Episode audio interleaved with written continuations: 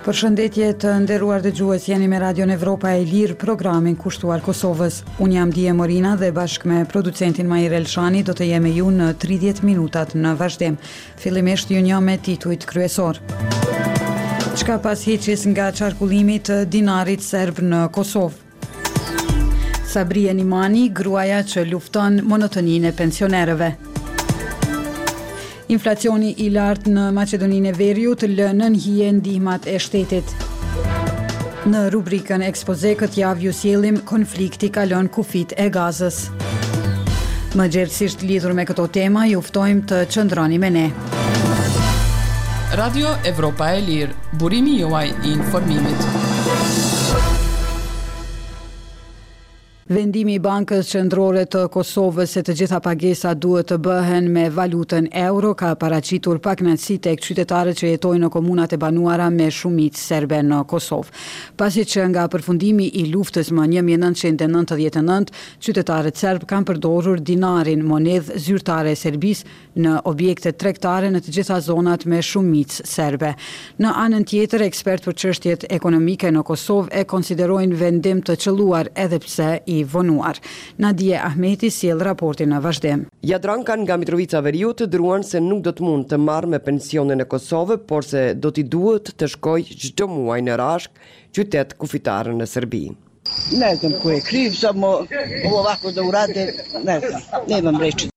Nuk e di se kush është fajtor, por të bëhet një gjë e tillë, nuk e di, nuk kam fjalë, thotë kjo banore e veriut të Kosovës, e cila pensionin e merr në dinarë nga buxheti i Serbisë. Më shtatëmbëdhjetë janar Banka Qendrore e Kosovës njoftoi se nga një shkurti, valutë e vetme për pagesat me paratë e gatshme në Kosovë do jetë euroja. Por kjo ngre pyetjen se si do të mund të paguhen rrogat e punonjësve në institucionet serbe në Kosovë, që ndahen nga buxheti i Serbisë, pastaj pensionet, shtesat e fëmijëve apo asistenca sociale. Lista Serbe, partia më e madhe e serbëve në Kosovë, tha se heqja e dinarit do të thotë dëbim i serbëve pa përdorimin e armëve. Pas të gjitha formave të dhunës institucionale që u përdorën kundër popullit serb nga regjimi autoritar i kryeministrit të Kosovës, Albin Kurti, dhe pasi nuk arriti t'i dëbojë të gjithë serbët nga Kosova, ai tani vendosi që ta ndalojë dinarin në Kosovë dhe kështu ta kërcënojë drejtpërdrejt mbijetesën fizike të popullit serb tha Lista Serbe në reagim. Sipas zëvendës kryeministrit të Kosovës, Besnik Bislimi, rëndësia e veçantë e rregullores së Bankës Qendrore, qëndron te përcaktimi i valutës që lejohet të përdoret në të gjitha transaksionet bankare e jobankare në Kosovë e që në këtë rast është euroja. Secili prej qytetarëve të Republikës së Kosovës që ka vepruar në kundërshtim me këtë, ka qenë në vazhdimësi në anën e shkelësit të ligjit, ka shkruar Bislimi në Facebook. Deri më tani dinari, monedha zyrtare e Serbisë, ka mundur të përdoret në objekte tregtare në të gjitha zonat me shumicë serbe në Kosovë. Në rregulloren e BQK-së thuhet se importi dhe eksporti i kartëmonedhave dhe monedhave metalike euro dhe i valutave të tjera në Kosovë do jenë e drejtë ekskluzive e saj. Deri më tani, dinarët kanë hyrë nga Serbia në Kosovë përmes Bankës Popullore të Serbisë, e cila ka një kasafortë në Leposaviq, komunë me shumicë serbe në veri të Kosovës. Ato para pastaj i ka transportuar kompania për transport të parave Henderson. Rregullorja e BQK-së gjithashtu thekson se valutat tjera që nuk janë euro mund të përdoren në Kosovë vetëm si vlerë që ruhet në formë fizike ose në llogaritë bankare të valutave që nuk janë euro. Me to mund të kryhen edhe pagesa ndërkombëtare në valuta të ndryshme nga euroja. Deri më tani dinarët në Kosovë i kanë përdorur Kursimorja e Postës së Serbisë Banka Komerciale NLB dhe Ndërmarrja Publike Posta e Serbisë. Milivoja nga Mitrovica e Veriut nuk ka llogari në ndonjë bankë të Kosovës dhe njoftimin se dinari do të hiqet e konsideron si katastrofik. Pod hitno mora država da preduzme i to je kraj priče. Shteti i Serbisë duhet të ndërmarrë diçka urgjentisht dhe ky është fundi i rrëfimit, thotë ai. Në fund të dhjetorit të vitit të kaluar klientët e Bankës Komerciale të Serbisë, NLB, janë njoftuar se llogaritë e tyre do të barten në një nga qytetet e Serbisë për shkak të mbylljes së degëve të saj në Kosovë. Radio Evropa e Lirë i ka parë mesazhet që NLB-ja u ka dërguar klientëve në Kosovë. Ata që kanë pasur llogari në NLB në Graçanicë, afër Prishtinës, janë njoftuar se nga data tridhjetë e një janar e vitit dy mijë e njëzet e katër, llogaritë e tyre do të transferohen në Kurshumli të Serbisë, ndërsa kontratat e shërbimit, numrat e llogarisë dhe kartelat, e pagesës nuk do të ndryshojnë. Klientët e NLB-së në veri të Kosovës janë njoftuar se llogaritë e tyre do të transferohen në Rashkë. Ish zëvendës guvernatori i Bankës Qendrore të Kosovës, Sokol Havolli, sqaron se dinarët nuk do të mund të përdoren fizikisht për blerje ditore, por se ata do të mund të depozitohen në llogari bankare ose të ndërrohen me euro. Ai thotë se askujt nuk do të duhej t'i ndalohej marrja e rrogës në cilëndo valutë, por se për transaksione do të duhej të përdoret euroja. Pa naj pengesë mi realizu transaksionet edhe ndërkombëtare me dinar, nuk është najfarë problemi nëse të dy palët pajtohen. Kur themi të dy palët pajtohen, pajtohet, po supozojmë një bankë në Serbi që unë pagesat i bëj në dinar, pajtohet një bankë n'Kosovë që unë pagesat i bëj në dinar, por për qëllime të blerjes janë ndalu. Radio Evropa e Lirë kontaktoi disa banka në Kosovë, Procredit Bank, Bankën Kombëtare Tregtare, Raiffeisen, NLB, TEB Bank, për t'i pyetur nëse klientët e tyre mund të hapin llogari në dinarë, por përgjigje negative mori vetëm nga BKT-ja, e cila po ashtu tha se në degët e saj dinarët as nuk mund të këmbehen me euro. Profesori i ekonomisë në Universitetin e Prishtinës Mejdi Bektashi mendon se duhet pak më shumë kohë për të zbatuar vendimin për ndalimin e pagesave me para të gatshme në dinar. Në këtë rast, shton ai, marrëveshjen që mjetet që arrijnë në dinar të konvertohen në euro, duhet ta arrijnë dy qeveritë dhe Banka Qendrore e Kosovës me Bankën Popullore të Serbisë. Si shembull, Bektashi përmend se Qeveria e Kosovës ka ndihmuar financiarisht pjesëtarët e komunitetit shqiptar në komunat në jug të Serbisë, Preshevë, Medvegjë e Bujanovc. Dhe në rast se Qeveria e Kosovës nuk ka dinar, por ajo shumën e fondit i ka paguar në Bankën Qendrore ku eurot janë janë këmbyer në dinarë dhe përfituesi i fundit në këtë rast, komunat në Luginë të Preshevës, mjetet i kanë marrë në valutën e dinarit. Ish-guvernatori i Bankës Qendrore të Kosovës, Fehmi Mehmeti thotë për Radion Evropa e Lirë se përdorimi i dinarit në Kosovë është antikushtetues dhe i paligjshëm. Ai kujton se dinari në Kosovë është hequr me dekret dhe udhëzim administrativ të Administratës së Përkohshme të OKB-së në Kosovë dhe se fillimisht në treg është futur marka gjermane e më pas euroja. Për Radion Evropa e Lirë nga Prishtina, Nadije Ahmeti. Misioni i Radios Evropa e Lirë është promovimi i vlerave demokratike përmes raportimit të paanshëm. Qëndroni me ne.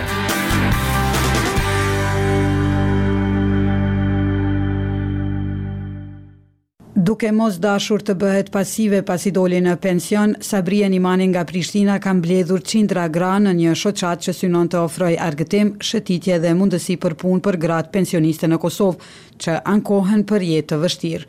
Gazetarja Doruntina Baliu sjell në vazhdim historinë e saj përmes rubrikës së përjavshme Femina, kushtuar grave. Qepja e veshjeve me porosi është profesioni që e ushtroi gjatë gjithë jetës, Sabrije Nimani.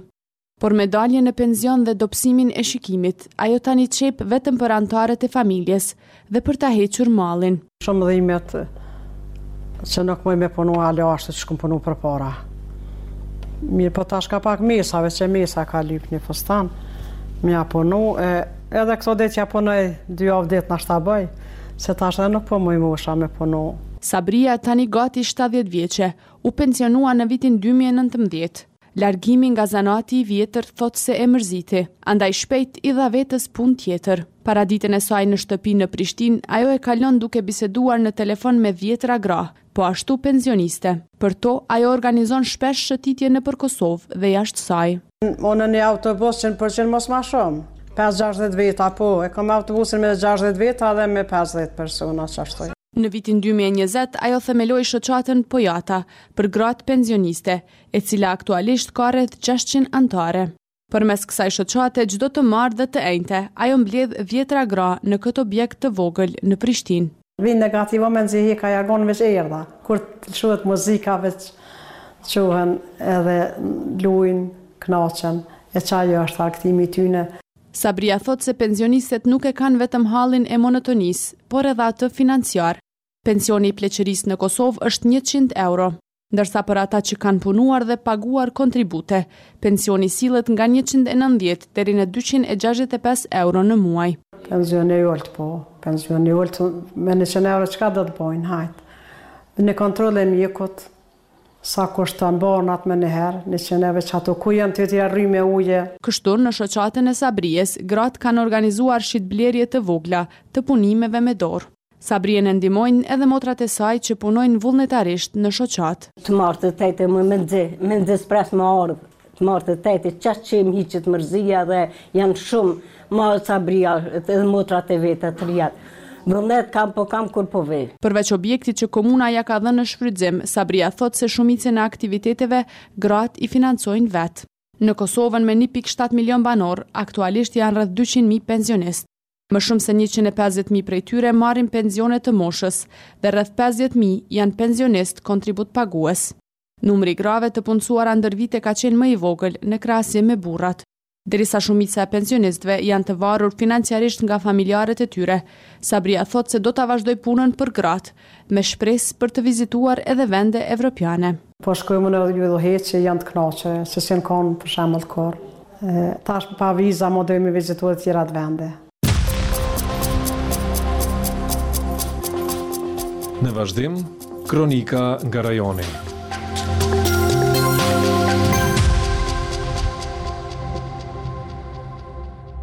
Të dhënat zyrtare tregojnë se Maqedonia e Veriut ka mbyllur vitin dy mijë e njëzet e tre me inflacion prej nëntë pikë katër për qind, ndërsa indeksi i çmimeve me pakicë është shtatë për qind më i lartë krahasuar me vitin paraprak. Lidhja e Sindikatave në këtë shtet kërkon rritje të pagave, ndërkohë që rritet numri i qytetarëve që janë me pagë minimale dhe jetojnë nën pragun e varfërisë. Nga Shkupi raporton Zërijeta Hajro Jajaga. Inflacioni i lartë e ka bërë të panjehësueshme ndihmën nga shteti për kategoritë e ndjeshme, thonë qytetarët e Maqedonisë së Veriut. Në bazë të dhënave të Entit Shtetëror të Statistikave, Maqedonia e Veriut vitin e kaluar e ka mbyllur me një inflacion prej nëntë pikë katër për qind krahasuar me vitin dy mijë e njëzet e dy. Të dhënat zyrtare gjithashtu tregojnë se indeksi i çmimeve me pakicë gjatë vitit dy mijë e njëzet e tre është rritur për shtatë për qind krahasuar me vitin paraprak. Pensionistja Milica Todorovska për të përballuar rritjen e çmimeve me pakicë dhe faturën e energjisë elektrike nga shteti, muajin e fundit ka marrë dy mijë denarë shtesë si pjesë e pakos së nëntë të ndihmave nga qeveria.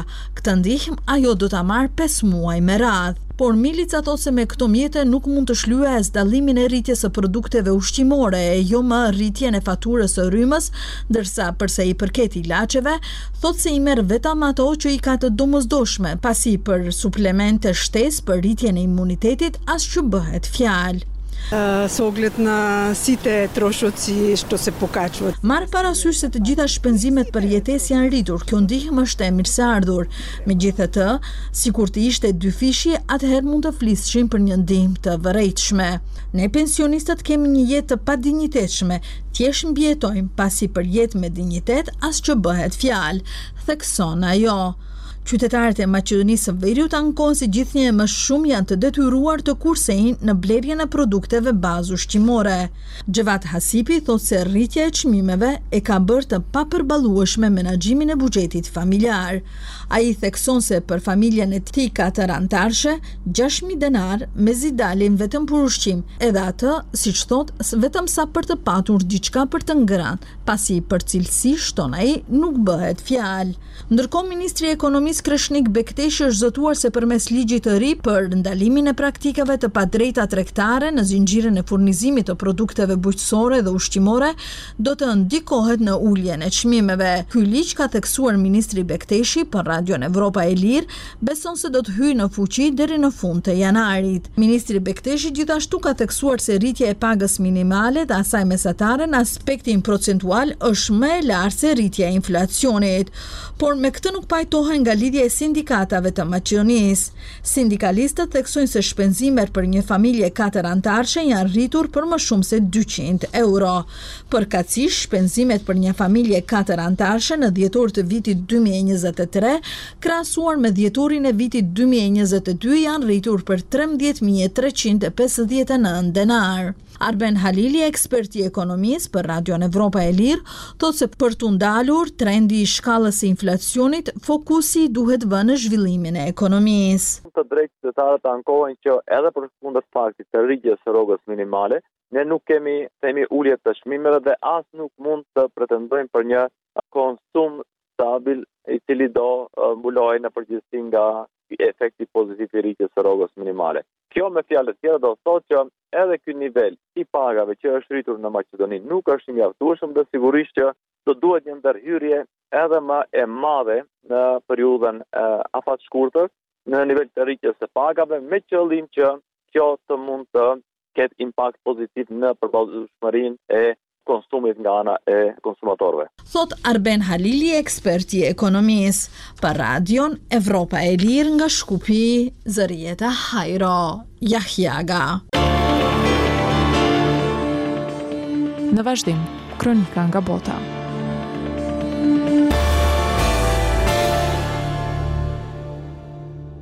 Ekonomia më e madhe në Evropë, Gjermania ka nisur vitin dy mijë e njëzet e katër me disa sfida, sikurse protestat e fermerëve që kanë tronditur ekzekutivin në Berlin, rritjen e ekstremit të djathtë dhe mosmarrëveshjet brenda koalicionit qeverisës. Mimoza Sadiku sjell detajet e një artikulli të agjencisë Reuters për sfidat me të cilat përballet Gjermania, të cilin të plotë mund ta lexoni në faqen tonë evropaelir.org. Politika gjermane ka pasur një fillimvit të trazuar, me protestat e fermerëve që tronditën qeverinë, me krizën buxhetore, me rritjen në sondazhe të ekstremit të djathtë dhe me një parti të re populiste që ka shkaktuar edhe më shumë përçarje. Protestat e fermerëve, në shenjë pakënaqësie ndaj ndërprerjeve të subvencioneve, kanë pasur një mbështetje të gjerë në Gjermani, për shkak të pakënaqësive me koalicionin trepalësh të kancelarit Olaf Scholz mes socialdemokratëve të tij, të gjelbërve dhe demokratëve të lirë, sipas Herman Binkert nga Instituti Gjerman për Përgjigje të Reja Sociale. Mosmarrëveshjet dhe komunikimi i dobët kanë zbehur mbështetjen për koalicionin qeverisës që ideologjikisht është I larmishëm. Mbështetja për partitë e koalicionit në sondazhe ka rënë në rreth tridhjetë për qind, që është një shifër shumë e ulët nga mbështetja që fituan gjatë zgjedhjeve të vitit dy mijë e njëzet e një, duke e bërë një nga qeveritë më jopopullore në Gjermaninë moderne. Nga ana tjetër, kjo ka nxitur një kulturë protestash, qoftë nga fermerët që kanë bllokuar rrugët me traktorët e tyre apo votuesit, duke ndryshuar mbështetjen e tyre për Alternativën për Gjermaninë të ekstremit të djathtë, e cila tani sipas sondazheve është partia e dytë më popullore. Ky vit në Gjermani po ashtu filloi me votimet partiake te Demokratët e Lirë, nëse ky subjekt duhet të qëndrojë në koalicionin qeverisës. Përderisa anëtarët e partisë votuan që të qëndronin në koalicion, Votimet në këtë parti vunë në pah pakënaqësitë e anëtarësisë së partive të koalicionit për shkak të kompromiseve të dhimbshme që u deshën të ndërmerrnin. Partitë tradicionalisht më të mëdha në Gjermani, socialdemokratët dhe konservatorët opozitarë, gjatë viteve të fundit po ashtu kanë humbur shumë mbështetje. Edhe formimi i Alternativës për Gjermaninë më dy mijë e trembëdhjetë e ka ndërlikuar arritjen e koalicioneve me koherencë ideologjike. Po ashtu, zgjedhjet parlamentare në Bashkimin Evropian dhe votimet në qarqet në gjysmën e gjashtëmbëdhjetë shteteve të Gjermanisë më nëntë qershor do të jenë një test për disponimin politik në vend. Një mbështetje e fuqishme për partitë populiste mund t'ju japë atyre legjitimitet më të madh. Kompanitë e politikanët gjermanë po ashtu janë të brengosur për zgjedhjet presidenciale në Shtetet e Bashkuara, shtetit aleat, që do të mbahen më pesë nëntor. Këto zgjedhje mund të kenë pasoja të mëdha për sigurinë e Gjermanisë dhe interesat e saj biznesore. Kompani gjermane po ashtu janë të brengosura për rritjen e mundshme të proteksionizmit nga ish-presidenti Donald Trump nëse ai fiton zgjedhjet e nëntorit. Radio Evropa e Lirë është media e pavarur amerikane, e themeluar nga Kongresi i Shteteve të Bashkuara të Amerikës. Misioni ynë është promovimi i vlerave dhe institucioneve demokratike. Sulme në Jemen, Liban, Iran, Irak, Pakistan, Shqetësimet se lufta në Gazë mund të përhapet edhe në vende të tjera të Lindjes së Mesme janë duke u rritur. Njohësit e rajonit thonë se duhet zgjidhje politike e konfliktit mes izraelitëve dhe palestinezëve. Në të kundërtën, sipas tyre, ka rrezik për një luftë të shkallës së plotë. Për më shumë në këtë temë, dëgjojmë rubrikën Ekspoze të përgatitur nga Valona Tela. Pas më shumë se njëqind ditësh, lufta e Izraelit në Gazë është shndërruar në një konflikt të stërzgjatur. Pa fund të dukshëm në horizont, por me rrezik për t'u përhapur në të gjithë Lindjen e Mesme, për të prishur tregtinë globale dhe për të ngatërruar fuqitë e mëdha. Është e vështirë të mendosh për një kohë kur ka pasur kaq shumë rrezik, pasiguri dhe paqëndrueshmëri në botë. Me këto fjalë, Sekretari i Jashtëm britanik David Cameron iu referua jostabilitetit rajonal të shkaktuar nga lufta e Izraelit në Gazë. Dritat e kuqe në pultin global po fiken e po ndizen. Lufta në Gazë nisi më shtatë tetor të vitit të kaluar, pasi Hamasi, grup i shpallur terrorist nga SHBA-ja dhe fuqi të tjera, sulmoi Izraelin, duke vrarë mbi një mijë e dyqind njerëz, dhunuar e rrëmbyer qindra të tjerë. Në përgjigje, Izraeli nisi një fushatë të egër hakmarrjeje në enklavën me mbi dy milionë banorë të kontrolluar nga Hamasi. Që atëherë u vranë më shumë se njëzet e tre mijë palestinezë dhe u dëmtuan ose shkatërruan afro shtatëdhjetë për qind e shtëpive dhe e ndërtesave në Gazë, sipas autoriteteve palestineze. Shtetet e Bashkuara dolën në ndihmë të Izraelit, duke i dërguar armatim në vlerë prej qindra miliona dollarësh.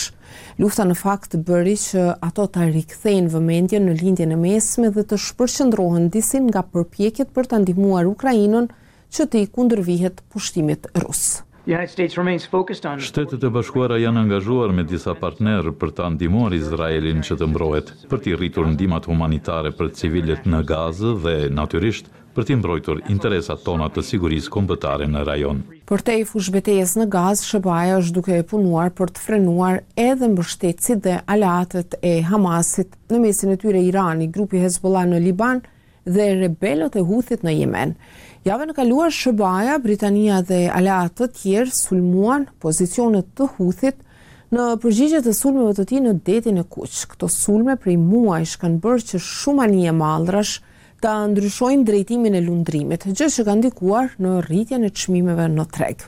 Paraprakisht më 2 janar, një udhëheqës i lartë i Hamasit u vra në një sulm me dron në Liban. Ndonëse Izraeli nuk e pranoi e as mohoi përgjegjësinë, Hezbollahu, grup i fuqishëm militant libanez i cili ka kryer disa sulme kundër Izraelit, tha se do të hakmerret. Një ditë më vonë, më tre janar, dy shpërthime misterioze në Iran lanë të vdekur afro njëqind persona. Këtë javë pastaj Irani sulmoi me raketa Irakun dhe Sirinë duke pretenduar se kishte në shënjestër një bazë të Izraelit për spiunazh dhe një grup Terrorist anti-iranian. Ushtria iraniane kreu një sulm tjetër në Pakistan dhe tha se cak ishte një grup militant sunit. Në përgjigje, Pakistani kreu disa sulme vdekjeprurëse në Iran.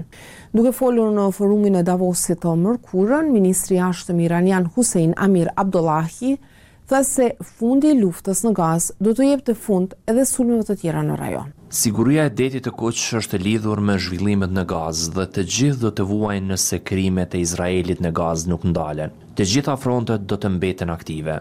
Para Vitit të Ri, administrata e presidentit amerikan Joe Biden deklasifikoi informacione të inteligjencës që treguan se grupet paraushtarake iraniane i koordinojnë sulmet e rebelëve të Huthit në Detin e Kuq, duke i ofruar atyre informacione për shënjestrimin e anijeve tregtare. Izraeli është shumë i varur nga trafiku i anijeve në këtë zonë.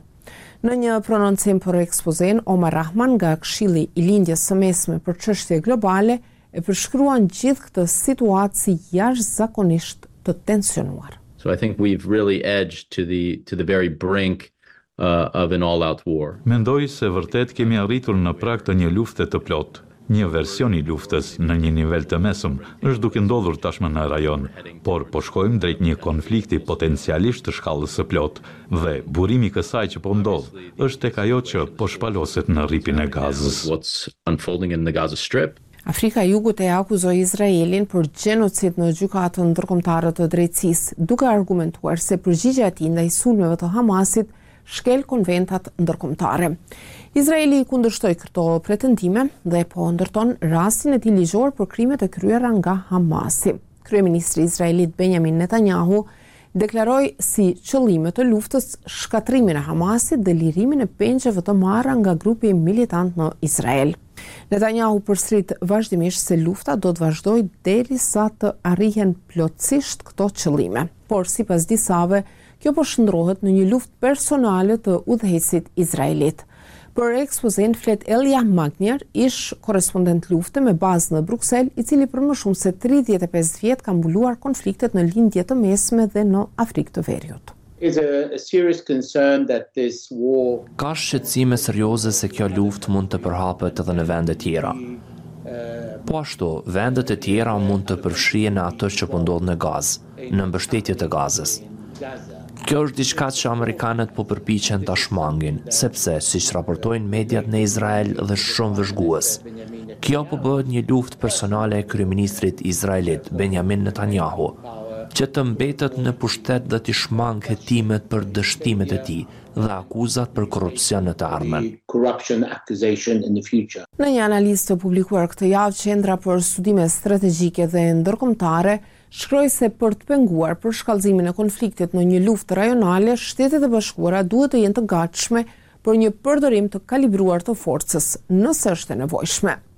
Me rëndësi të veçantë është sinjalizimi se SHBA-ja është e përgatitur për të goditur objektiva me vlerë për Iranin dhe partnerët e tij në rajon si baza ushtarake, depo të armëve, Objekte për prodhimin e armëve, qendra të komandës dhe kontrollit si dhe vende të trajnimeve, shkroi instituti me seli në Uashington.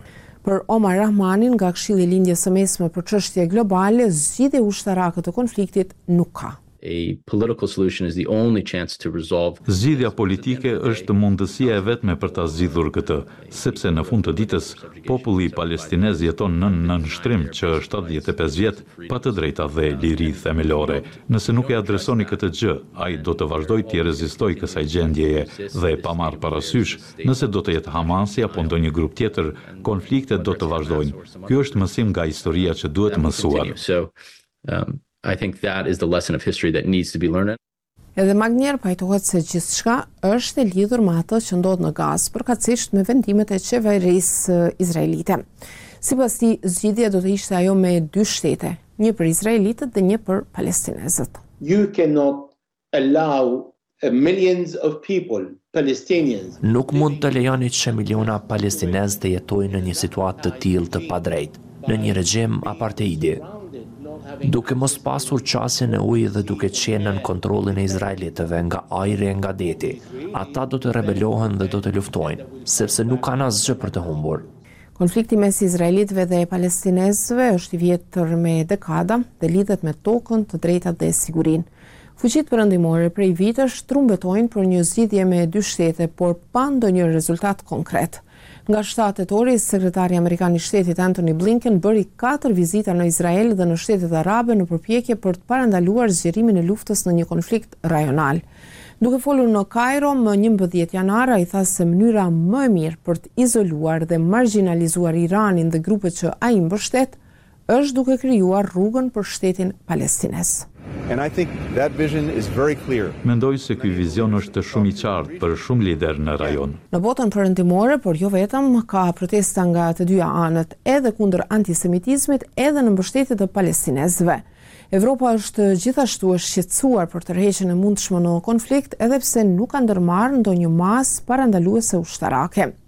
Rritje të antisemitizmit kanë raportuar disa shtete të saj dhe Komisioni Evropian ka premtuar tridhjetë milionë euro për të përforcuar sigurinë në zonat e cenueshme, sidomos në vendet e lutjes ose faljes. Se cili do të jetë epilogu i këtyre zhvillimeve nuk është e qartë, por sipas një analize në magazinën amerikane Time, lufta në Gazë do të përfundojë kur SHBA-ja të japë urdhër Izraelit.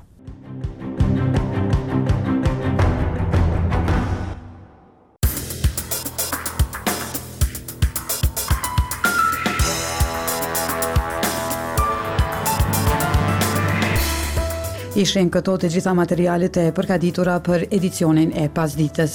Për lajmet e fundit dhe informacione të tjera mund të vizitoni faqen tonë në internet evropaelire.org.